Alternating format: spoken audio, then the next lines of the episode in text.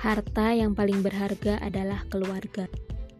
Terlahir di antara saudara-saudara yang lainnya, beraneka ragam mimpi, beraneka ragam cita-cita, beraneka ragam perjalanan, dan beraneka ragam beraneka ragam lainnya.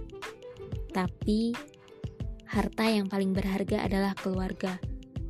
Kakak yang selalu menjadi tempat curhat, tempat direpoti, tempat pinjem baju kalau mau main, tempat apa aja setelah ataupun beberapa hal sebelum kusampaikan pada orang tua.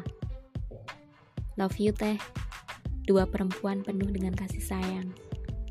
Adik-adik cowok yang punya keimutan masing-masing, yang entah bagaimana aku sangat menyayangi mereka.